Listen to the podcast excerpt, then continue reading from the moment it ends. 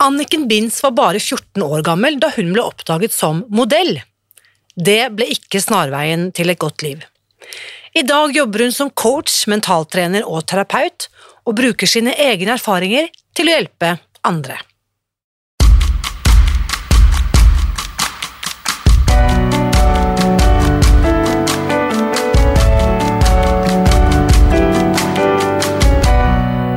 Mitt navn er Irina Lie. Jeg er journalist og forlegger, gründer og sosial entreprenør. I 2015 spiste jeg meg fri fra overvekt og fedme etter å ha slitt med vekt, kropp og følelser i nesten 30 år. Etter at jeg knakk koden, ga jeg meg selv et nytt oppdrag å dele denne kunnskapen med alle som trenger det. I denne podkasten kan du derfor høre hele lydboken Spis deg fri. Den finner du ved å bla deg tilbake i arkivet og lytte til første sesong. Hver uke inviterer jeg nå gjester som gir deg påfyll til hodet, hjertet og magen. For min visjon er å endre Helse-Norge, og det får jeg ikke til alene.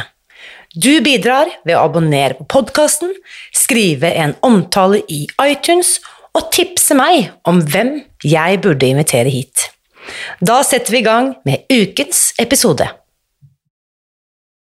Da jeg hørte at Anniken hadde vært modell i Milano og gått på catwalken i Paris, så fikk jeg umiddelbart assosiasjoner til glamour, jetset-liv og champagne. Men etter å ha snakket med henne, så skjønner jeg at virkeligheten som modell kan fortone seg veldig annerledes. For det hjelper liksom ikke å være blant verdens vakreste hvis selvfølelsen er lav og du blir lammet av frykt. Hvordan ytre omstendigheter og negativt selvsnakk kan påvirke oss, er noe av det vi skal snakke om i dag. Og kanskje er det sånn at uh, vi må komme hjem til oss selv før vi virkelig finner ut hva vi vil fylle dette livet med. Her er ukens gjest. Kjære Anniken, velkommen til podkasten. Du, så hyggelig å bli invitert. Jeg har gledet meg skikkelig til å eh, snakke med deg, fordi vi har jo ikke møtt hverandre før, men vi har jo, jeg føler liksom at jeg har liksom hengt litt med deg likevel, eh, via sosiale medier, da.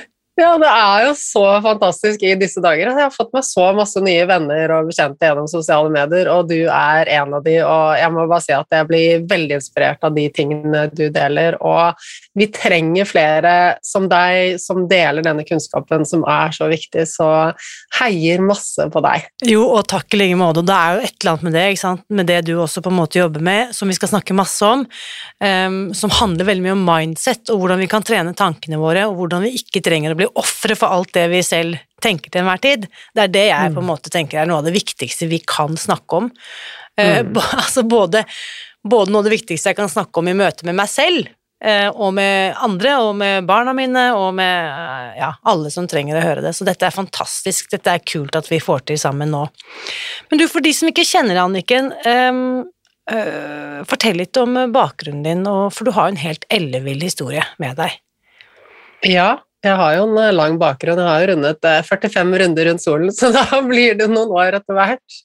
Jeg jobber som mentaltrener eh, og coach og terapeut i dag, men det er jo klart at det er ikke det jeg alltid har gjort. Jeg er eh, utdannet samfunnsgeograf, og drømmen min var hele tiden å jobbe med å redde de fattige barna i Afrika, da, hvis jeg setter det litt på spissen. Så jeg mm. ønsket å jobbe for FN og, og jobbe med bistand og utvikling. Vi hadde veldig brennende ønske om å, gjøre en forskjell. Eh, så jeg tok en utdanning eh, innen det og var ute og hadde internship med FN. Og etter jeg var ferdig med studiene, så fikk jeg jobb i Pakistan for Flyktninghjelpen. Og så fant jeg ut at det, det var ikke helt der jeg skulle bruke energien min, og jeg følte heller ikke at jeg fikk hjulpet på den måten jeg ønsket.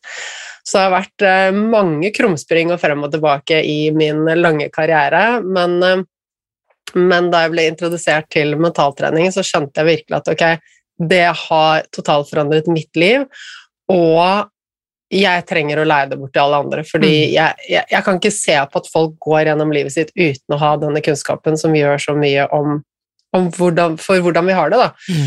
Eh, så det, det, mitt kall er rett og slett å få mest mulig av denne kunnskapen ut til flest mulig, sånn at, eh, sånn at flere kan ha det godt, rett og slett. Og Fantastisk. som samfunnsgeograf så ser jeg også eh, altså En samfunnsgeograf er jo en som ser på hvordan alt henger sammen i samfunnet. altså Fra enkeltperson til liksom eh, lokalt nivå og, og globalt nivå, som hele verden. Hvordan henger alt sammen? Og da vet jeg at hvis verden Ok, det er litt naivt da, satt på spissen, men hvis vi skal ha en sjanse om å gjøre verden til et bra sted hvor vi reduserer alt det overforbruket, hvor vi får bort lidelse, ikke ha mer krig og alle de tingene, så handler det om at, det om at hver og enkelt person har det bra med seg selv. Når vi ikke har det bra med oss selv, så vil vi ikke være bra mot andre, og da kan ikke verden breddes heller. Nei, men og det, Du kan godt si at det på en måte er uh, veldig forenklet å si det på den måten, men det er jo helt sant. Det er jo faktisk så vanskelig og så enkelt. Mm. Eh, og derfor sier jeg liksom dag ut og dag inn at den viktigste jobben vi gjør, hver og en av oss, det er å ta godt vare på oss selv. Mm. Eh, Helt, helt, helt For jeg vet at når jeg mister Jeg klarer jo ikke det selv, så når jeg mister fokus på meg, så blir jeg jo irritert, utålmodig, bitter, eh, sjalu. Altså alt det som er dårlig i livet, det Ja. veller opp i meg hvis jeg på en måte ikke har eh, tatt godt vare på, på dette lille vesenet her, da. Mm. Ja, ja, jeg kjenner det selv også. Altså, jeg er veldig god på å passe på at ting er i balanse, men det hender jo selvfølgelig som en ivrig gründer at det, det blir litt for mye jobb og mm. sånne ting som du sikkert kjenner til. Og da merker jeg det med en gang at jeg blir fortere irritert, sånn kort lunte, at jeg ser bare negativt på ting som mm. bare er bagateller. Og da er det tydelig tegn på at eh, nå trenger jeg å justere Yes. enda litt mer for å, for å rett og slett uh, ha det bedre. Men jeg må spørre, siden jeg har flere venner eh, som også har jobbet, eller fortsatt jobber i FN også, og jeg, ikke sant, som jeg har jo vært journalist i mange år, og også vært i FN, og dekket generalforsamlingen, og sittet i liksom, rotundaen der og sånn. Um, og det er jo et utrolig imponerende og mektig system.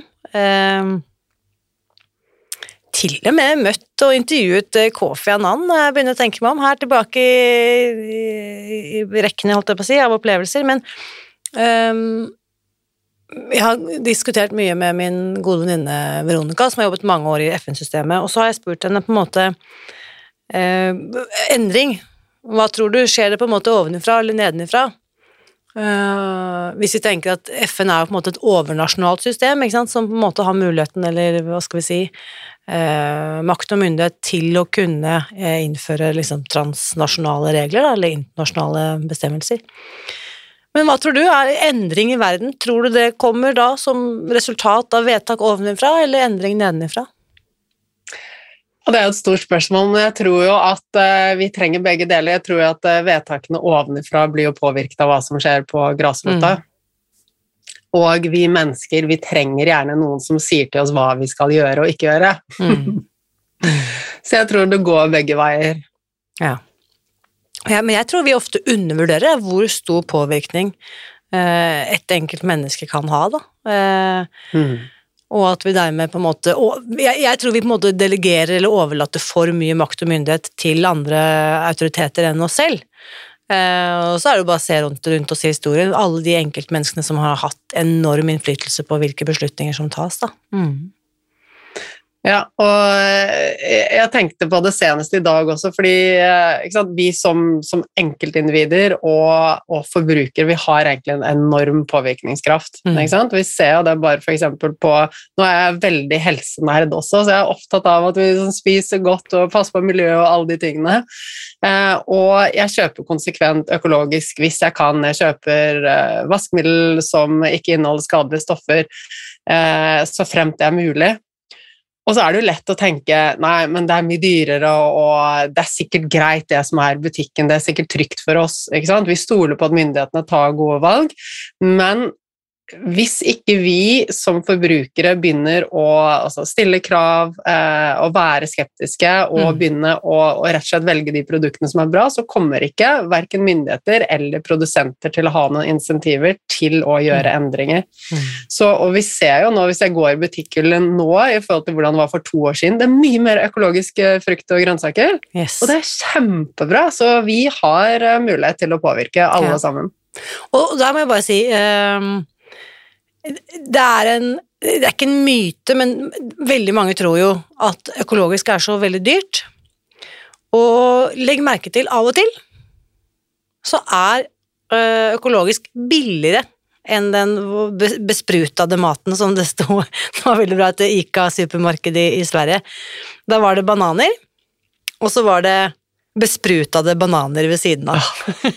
Fantastisk! Ikke sant? Det var, liksom, det var liksom vanlige bananer, som da var økologisk, jevnt. Og så var det da på en måte ja, sprøyte, sprøytede bananer, besprutede bananer ved siden av. Men poenget mitt var at av og til um, uh, Nå var jeg her forleden, eller var det kanskje ja, denne uken, så var jeg på Meny her i Bogstadveien og, og kjøpte sitroner.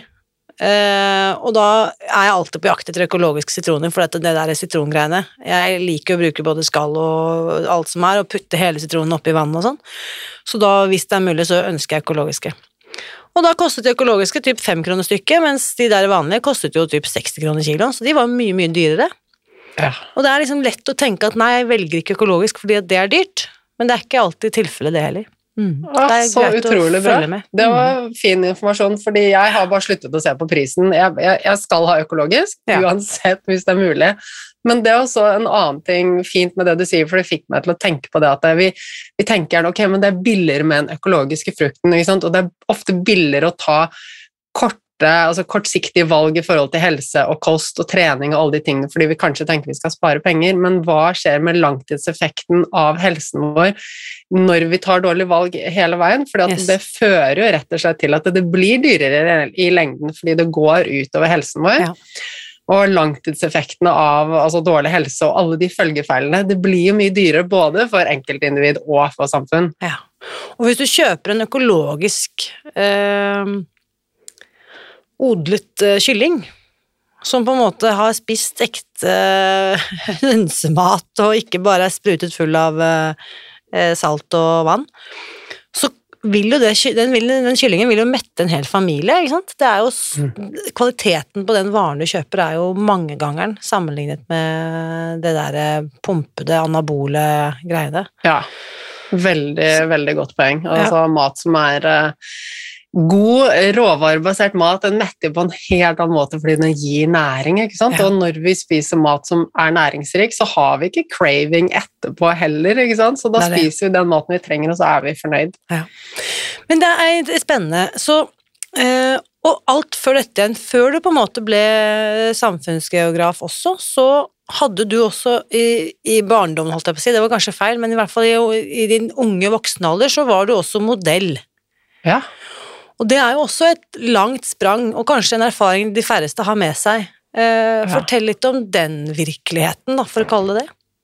Ja, så, og, og det er jo akkurat som du sier, det er et veldig langt sprang fra alt annet jeg gjør, og jeg er den dag i dag så takknemlig for den erfaringen jeg har fått med meg fra den perioden, fordi jeg kan jo, eh, det er lett å si at jeg angrer på alt det jeg har gjort før, fordi at jeg har brukt så mange år av livet mitt på å gjøre noe som ikke var riktig for meg, eller på å ha det vondt, eller hva det er, men alt det vi har vært gjennom, det gjør jo at vi er den vi er i dag, og kan hjelpe andre, kan se ting på en viss måte, og har erfaring. Så jeg eh, dumpet inn i modellyrket da jeg var 14 år gammel.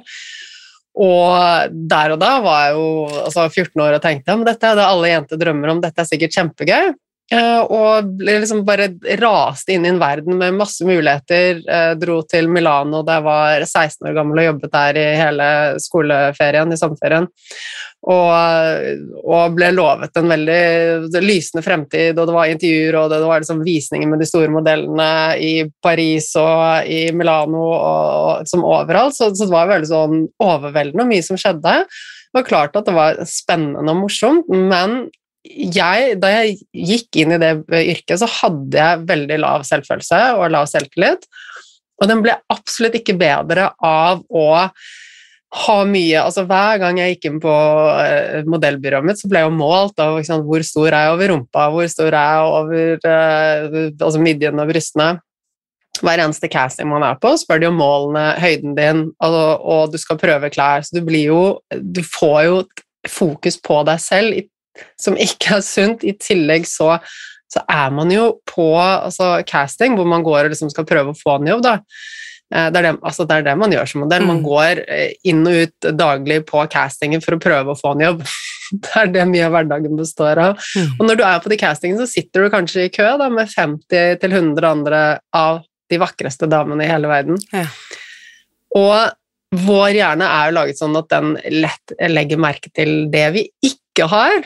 Um, den ser ikke det vi har. Så med et utgangspunkt hvor jeg hadde veldig lav selvfølelse eh, og ikke hadde det bra med meg selv i utgangspunktet, ble puttet inn i en verden hvor jeg følte at jeg ikke kunne leve opp til forventningene i forhold til å se ut på en viss måte, og hele tiden sammenlignet meg, det gjorde at jeg ble eh, altså utviklet spiseforstyrrelser, ble, fikk et veldig sånn rigid tankesett. Um, jeg følte meg helt fastlåst i hodet og klarte ikke å være lykkelig, for jeg tenkte at jeg kunne bare være lykkelig når jeg endelig gikk ned så og så mange kilo, ble tynnere eller så ut på en viss måte, og, og følte at jeg rett og slett Jeg husker at jeg sa til en venn da jeg var 18 år at jeg ønsket at jeg var barn igjen, fordi jeg ikke orket å leve med sånn, alle de bekymringene. Da. Jeg følte at det ble så seriøst. Og det var jo bare jeg som hadde lagt alt sammen på meg selv, selvfølgelig. Og, og jeg var et offer for det sånn hjernen vår funker, for hjernen vår den, den, er, den vil holde oss trygg. Så den ser etter alle ting som kan som minne om at vi eh, er i livsfare, og så skal vi huske på at det, hva er den største faren som hjernen vår vet om? Jo, det er nettopp det å bli holdt utenfor flokken Mm. og miste Mm. tilhørighet. Uh, og dette var viktig for oss for mange millioner år siden da vi levde som jegere og sankere. Da var vi helt avhengig av flokken. Mm. Er ikke så viktig lenger i dag, men hjernen vår reagerer fortsatt og tenker at dette er en dødstrussel hver gang noe kan minne om at vi kan bli utestengt, kan være mindre verdt, eh, og, så, og rett og slett risikerer da å, å miste anerkjennelse. Og det du, akkurat jeg får gåsehud når du forteller, for at dette er jo kjernen i, sånn som jeg på en måte mm, tror på, da. Dette er jo kjernen i avhengighet. Det er, dette er grunnen til at jeg utvikler på en måte usunne strategier for å ta bedre vare på meg selv. Fordi at jeg føler at jeg ikke hører til. Mm. Og, og da er det jo ganske sterkt å høre deg fortelle, sånn som du sier, at det er de vakreste menneskene i verden som på en måte får muligheten til å jobbe som modell, og likevel høre at det kan være så ensomt, og at det kan føre til et så stort emosjonelt utenforskap, da. Det er, jeg tror ikke det på en måte er noe alle reflekterer over når man drømmer om å liksom bli modell når man blir stor. Mm. Eh, og selv om den historien du forteller det, Vi har jo hørt andre fortelle om det tidligere, men det er likevel veldig sterkt eh, når du forteller. Og ikke, ikke minst når du da også kobler det opp mot alt det du på en måte har lært og studert senere òg, da, ikke sant. Ja.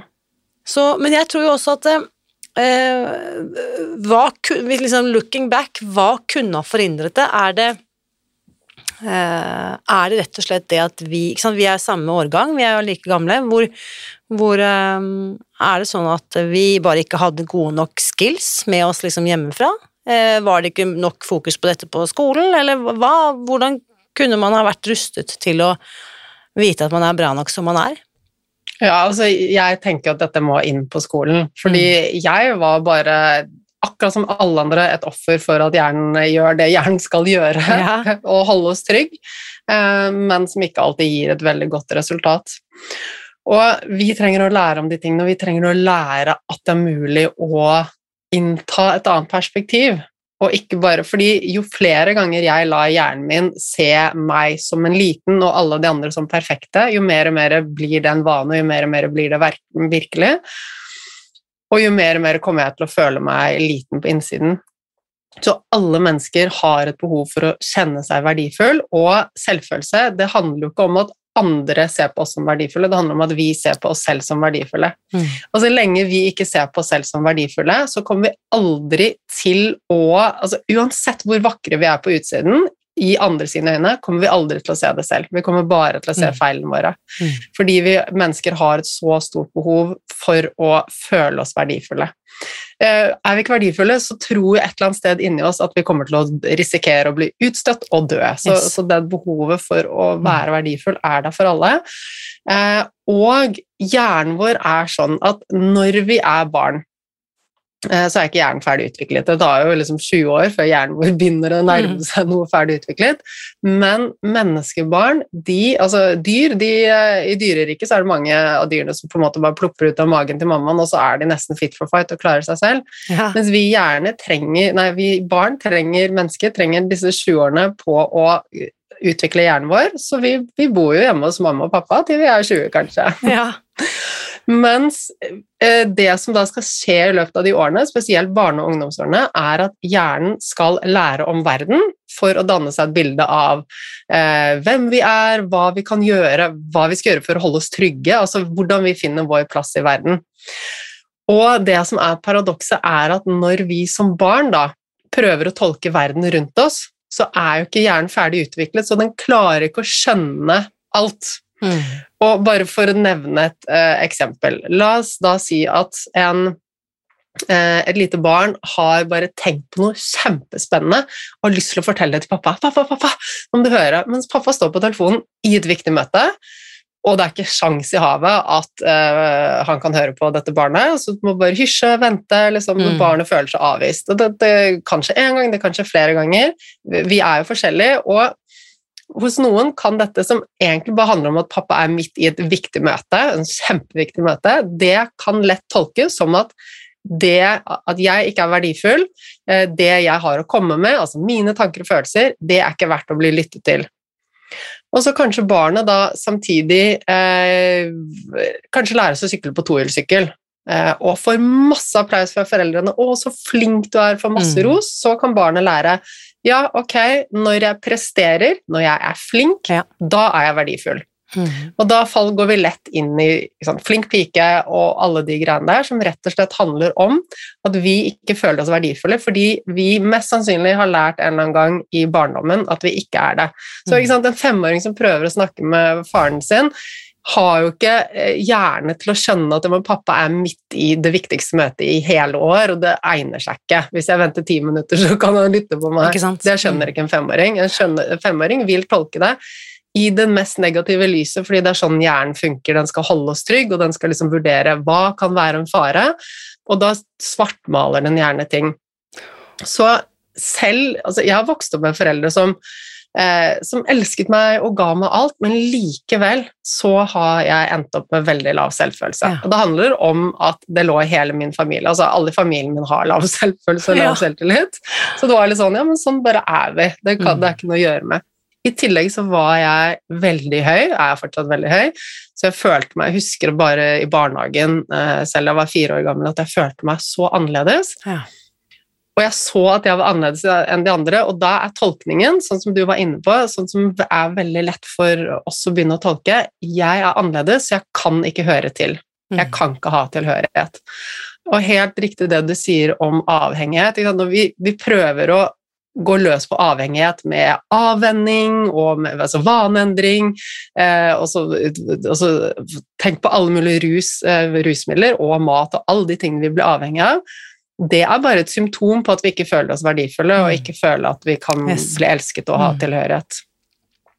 Når vi føler at vi ikke er verdt å bli elsket, ikke kan ha tilhørighet, at vi er annerledes, så er det så vondt. Og en avhengighet kan være trening, det kan være jobb, det kan være rusmidler, det kan være mat, det kan være alt det. Det er der for å fòre oss med gode følelser, fordi vi ikke har de gode følelsene i oss selv. Så jeg, eh, altså jeg er veldig visjonær, og som samfunnsgeograf så ser jeg alle de tingene her, men jeg tenker at hvis alle hadde lært at de var verdifulle, så hadde vi ikke hatt eh, folk som hang på plata, eller nå eksisterer kanskje ikke plata lenger, men vi, vi hadde ikke hatt den rusproblematikken. Vi Mm. Hadde ikke hatt problemene med mat og overspising, alle de tingene som rett og slett handler om at vi har lav selvfølelse, og vi har det vondt inni oss. Men jeg, jeg syns det er så spennende, fordi øh, hvordan du Og helt sikkert også basert på dine egne erfaringer, er det greit å si på, til en viss grad søker ytterpunkter. Eh, fordi du går jo også inn i yogaen, og utdanner deg også som yogalærer i voksen alder. Ehm, og så driver du også med basehopping. Og da, i min verden, er det uh, og jeg må jo da igjen da innrømme at jeg, det er ikke helt fremmed for meg, for jeg er også adrenalinjunkie og sånn meditasjonsjunkie, skjønner du hva jeg mener? Mm. Ja takk, begge deler. Men fortell litt, hvordan, hvordan, hvordan ramler du inn i, inn i yogaverdenen? Hva er din vei inn der? Ja, vet du hva? Min vei inn der var egentlig at jeg bodde i Venezuela, for jeg var der et halvt år og, og skrev hovedoppgave til, um, uh, til uh, Altså til min Det var jo ikke master på den tiden, det het hovedfag. Ja. Yes.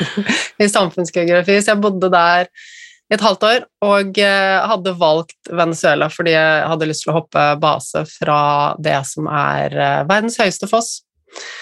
Angel Falls, og før jeg rakk det, så brakk jeg ankelen min i mange små biter på et fallskjermhopp den første måneden der. Eh, så endte jeg opp med å humpe rundt på krykker i slumområdet hvor jeg gjorde feltarbeidet, men det gikk veldig bra. Ja. Men eh, hun jeg bodde, jeg bodde hos en venn av meg, og kona hans eh, gikk på yoga, så da ble jeg med henne. Wow.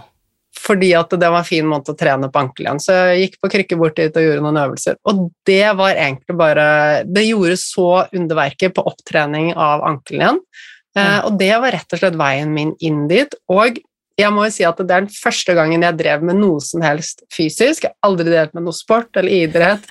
Ja, altså jeg kommer fra en akademikerfamilie, jeg brukte hele barndommen på å lese bøker. Jeg, jeg, jeg drev ikke med sport før, og det å begynne med yoga var Det er såpass rolig at jeg klarte å mestre det. Ja. Men er det Ikke ikke fallskjerm? Du kan ikke være helt ute da? Du må jo være ganske fysisk fit for å kunne drive med fallskjerm, eller? Nei, Nei. det trenger jeg ikke. Du må kunne gå om bord i flyet. Det er ikke særlig atletisk, men altså selvfølgelig hvis du skal drive med det på et høyt nivå, eh, men for å klare å prestere Når du er 20 år, så klarer du helt fint å prestere uten Ja. å trene. Ok, nettopp. Um, Mm. Ja, men jeg, eh, jeg er jo ikke sant, Mange som sa det, men liksom eh, mindfulness, yoga og basehopping det er vidt forskjellig, men det er absolutt ikke det. Nei. Det handler om tilstedeværelse, begge deler. Mm. Aldri opplevd 100 tilstedeværelse på yoga og meditasjon på samme måte som jeg opplevde når jeg har eh, hoppet fra et fjell. Ja. Det er som om tiden står helt stille, og den perioden av livet mitt som jeg drev med det, så hadde jeg et enormt tankekjør, jeg snakket meg selv ned, jeg var liksom redd for hva andre tenkte om meg, jeg hadde så mye sånn indre stress, og når jeg hoppet base, så var det helt rolig i hodet. Ja. Det er ganske fascinerende. Um, og det tror jeg det, det tror jeg kanskje har jeg Når du forteller, så får jeg sånn overføringsverdi, da. Eller jeg tenker Jeg har jo jobbet som journalist også liksom under ekstreme omstendigheter, både krig og katastrofe. Og det å være Altså, du vet at her kan man ikke kødde med ting, for det nå, nå, det er ikke nå man kan sitte og man skal ha fiskeboller til middag eller ikke. Det, det er ikke rom for det. Og det Jeg må jo innrømme at det er et kick å være Jeg, jeg følte meg så ekstremt levende i sånne, mm. hva skal vi si, stunder eller situasjoner hvor livet sto på spill, da, for å si det sånn. Og det, er det noe sånt også, eller, på basegreiene? Absolutt. Og jeg må jo også si at selv om jeg har den bakgrunnen hvor jeg altså, hadde mye indre stress, altså bare ting ikke var bra på innsiden, så var det likevel en del ting som var bra, som gjorde at jeg hadde den tryggheten og stabiliteten i meg selv til å kunne holde på med noe sånt noe. Og jeg har eh, Nå vil jeg si at jeg er 100 lykkelig, fordi jeg trenger ikke noe annet i livet mitt for å ha det bra. Jeg må ikke dra på en fjelltur for å bli glad, men jeg har det bra i meg selv. På Mm. den tiden av livet mitt så trengte jeg hele tiden påfyll av en reise, et hopp eh, ikke sant? Jeg trengte det kicket for å ha det bra med meg selv, og det trenger jeg ikke nå lenger. Men likevel så er det også en periode av livet mitt hvor jeg var ekstremt sunn, frisk, hadde god energi og var egentlig veldig glad fordi jeg kontinuerlig gjorde det som du sier, jeg kjente meg levende. Jeg, jeg utfordret altså komfortsonen min. Og vi mennesker, og nå kan vi si mye om uh, årsaken til at det er mange som er deprimerte, angst, sliter, um, og vi ser jo dette pandemien at enda flere sliter, men det er mange, mange grunner til det, det er sammensatt. Men én ting er at vi mennesker er ikke laget for å leve i et så trygt samfunn som det vi gjør i dag. Ah, interessant. Vi, Mm. vi er laget for å kjempe og slite for å overleve. Vi er laget for å kjenne på fare. Det er sånn vi har levd i millioner av år.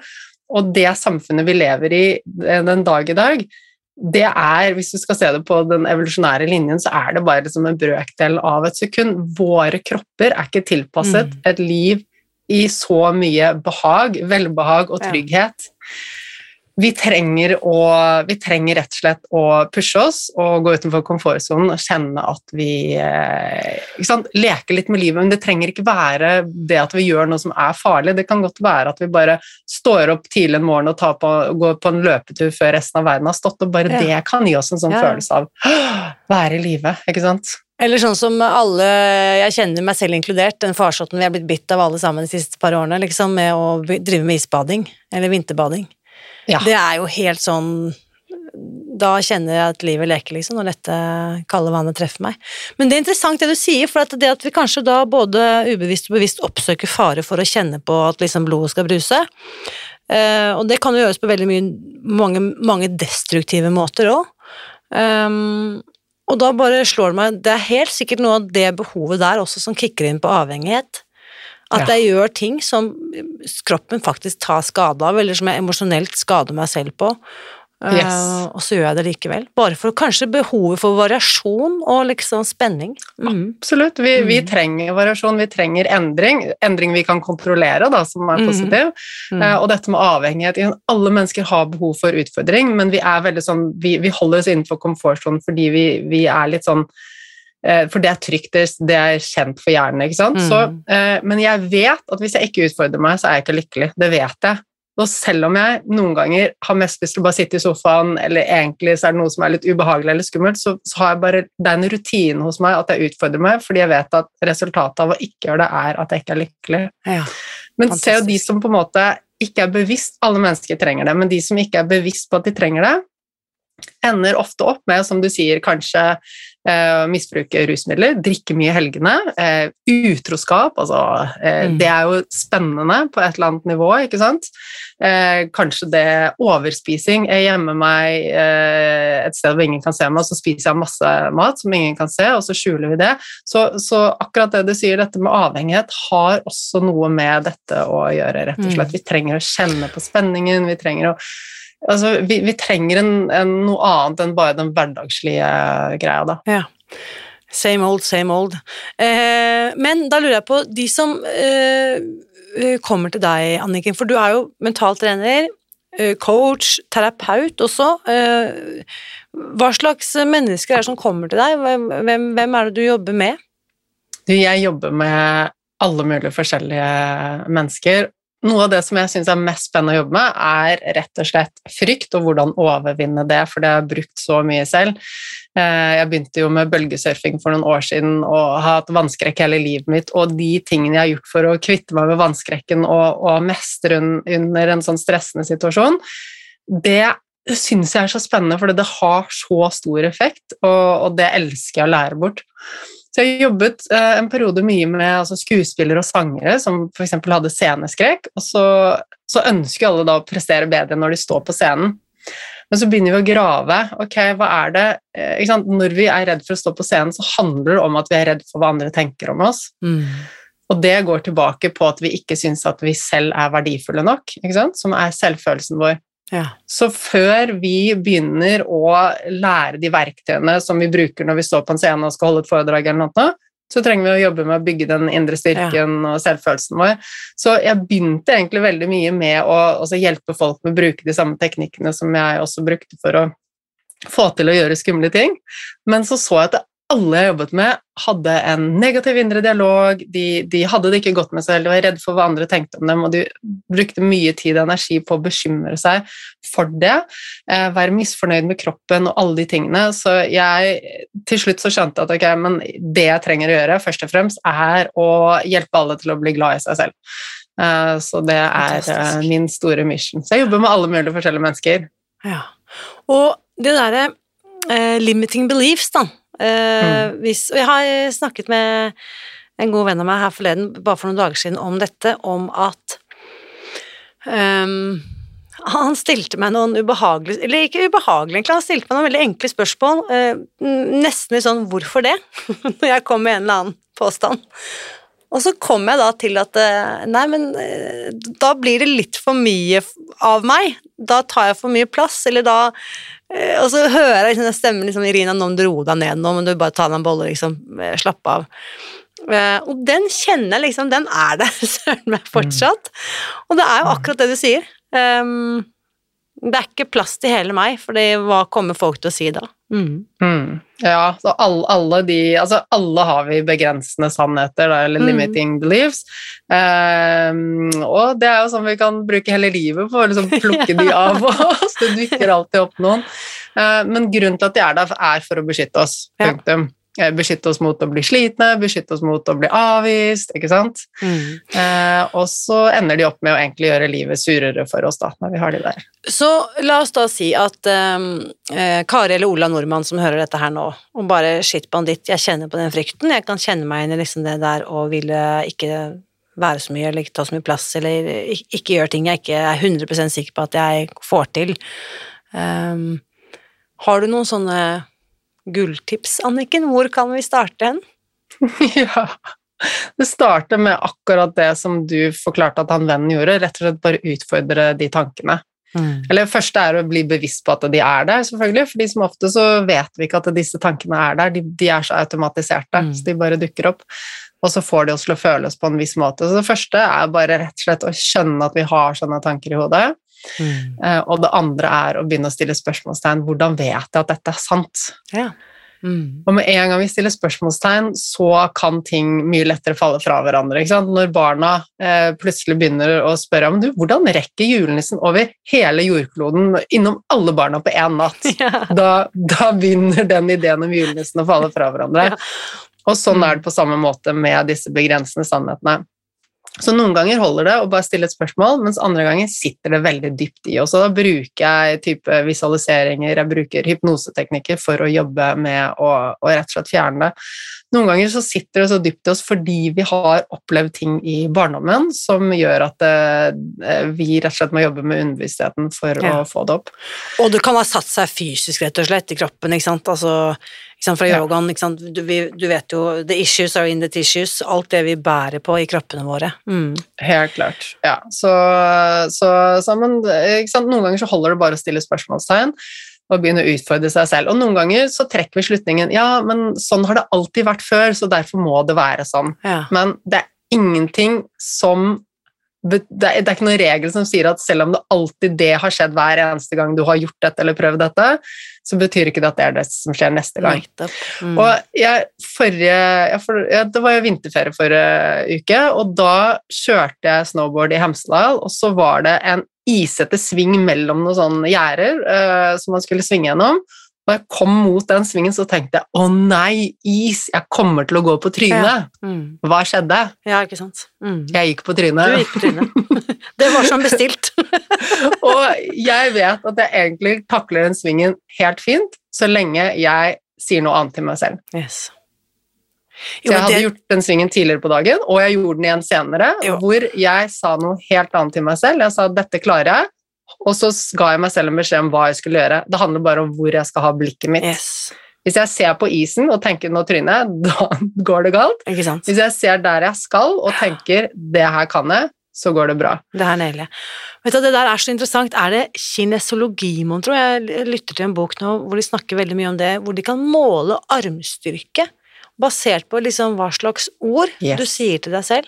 Det der tenkte jeg sånn, det der er et fagfelt jeg også må bare fordype meg litt i, Ja. for det var bare Og da snakker vi ikke sånn om tenk positivt, men jo, faktisk, fordi at det er faktisk fysiologisk målbart hvordan det påvirker kroppen din. Og her sitter jeg og snakker med deg og vifter med armene ut i luften, men du skjønner hva jeg mener? Ja, at den men er varmestyrken helt- er, faktisk sånn 'jeg er sterk', gir en helt annen respons enn det derre 'og dette kommer til å bli tungt, jeg vet ikke om jeg får det til, jeg makter ikke, jeg er sliten Ja. allerede'.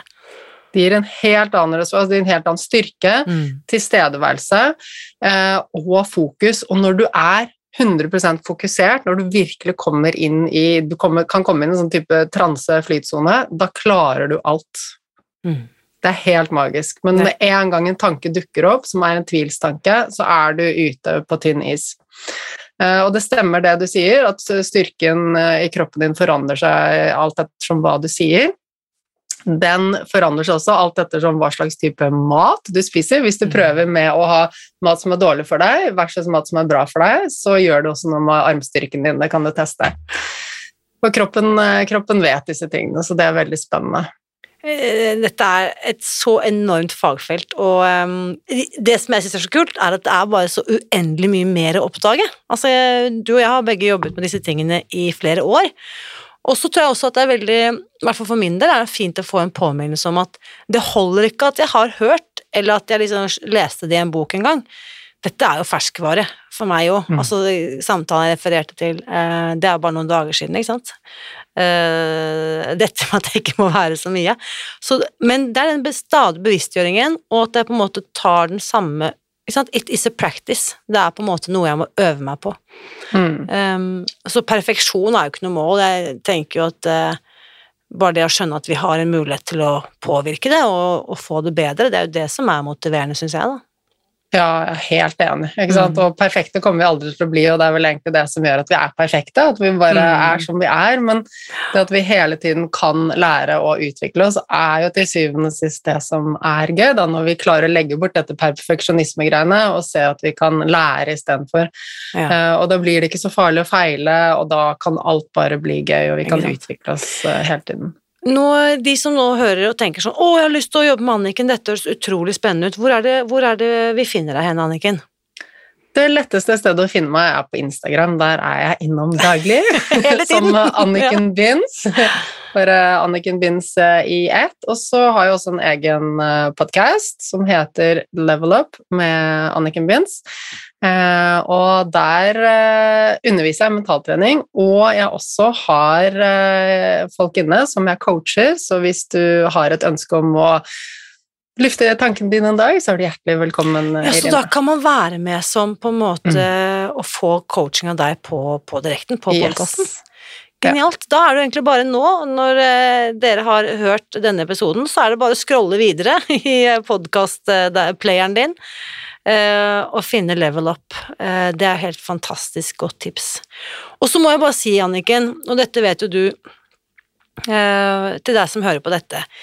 Anniken deler jo kunnskapen sin eh, kostnadsfritt, eh, og jeg betaler heller ikke Anniken for å være med i denne podkasten, så hvis du har lyst til å gjøre eh, Anniken en gjentjeneste, så går du inn på podkasten hennes, lytter og legger igjen fem stjerner, skriver en omtale, eller om ikke annet gleder meg til å høre et eller annet. Den type, hva skal vi si, sosial betaling, da, den har så ekstremt mye å si. Det der fremsnakket i sosiale medier, det kan faktisk ikke overvurderes. Så til alle dere som også har lagt igjen fantastisk mange hyggelige stjerner og, og rosende ord om øh, Spis deg fri-podkasten, det er bare evig takknemlig. Og det må vi bare fortsette å fremsnakke alle kloke hoder som tør å stikke seg frem, for det er superverdifullt. Så bra sagt, eh, Irina. Tusen takk. Virkelig. Og så kan vi ikke bare si da at eh, vi ses på Instagram, Anniken. Anniken. Og tusen takk for eh, verdifull samtale. Du, det var kjempekoselig å prate med deg. Så håper jeg kan treffe deg in real life snart. Yes, det får vi til. Takk for i dag. Takk for i dag. Nå lurer jeg på, hva tar du med deg etter å ha hørt min samtale med Anniken i dag? Jeg vil gjerne invitere deg til å bli med inn i den åpne Facebook-gruppen Spis deg fri, og dele din takeaway fra dagens episode. Og en takeaway det kan være så lite som et ord, eller en setning, eller en eh, innsikt som du sitter igjen med etter å ha lyttet til denne episoden, og jeg gleder meg til å lese hva det er for deg. Og så vil jeg bare minne om at vi for et par uker siden lanserte vi denne nye quizen vår, der du kan teste deg selv og sjekke hvor disponert du er for å utvikle matavhengighet. Den finner du på nettsiden vår spisdegfri.no quiz. Og jeg har fått så mange spennende og tankevekkende tilbakemeldinger fra kvinner og menn over hele landet som har tatt denne testen, så jeg håper du også vil eh, teste den eh, og fortelle meg hva du syns. For det som er så genialt, det er at uansett hvor på denne skalaen du havner, så finnes det faktisk mye lærdom bare det å ta testen, nettopp for å bli bevisst på hva slags forhold du har til eh, mat og måltider. For jeg sier jo ofte at det du ikke vet, Det kan du jo heller ikke gjøre noe med. Så ved å teste deg selv, som det da altså er helt gratis, så får du i hvert fall en veldig god realitetsorientering om hvor du befinner deg, her og nå. Du finner quizen ved å gå til spisdegfri.no quiz. Husk også, uansett hvilke strategier du velger for å ta vare på deg selv, så vit at jeg heier på deg. Alltid.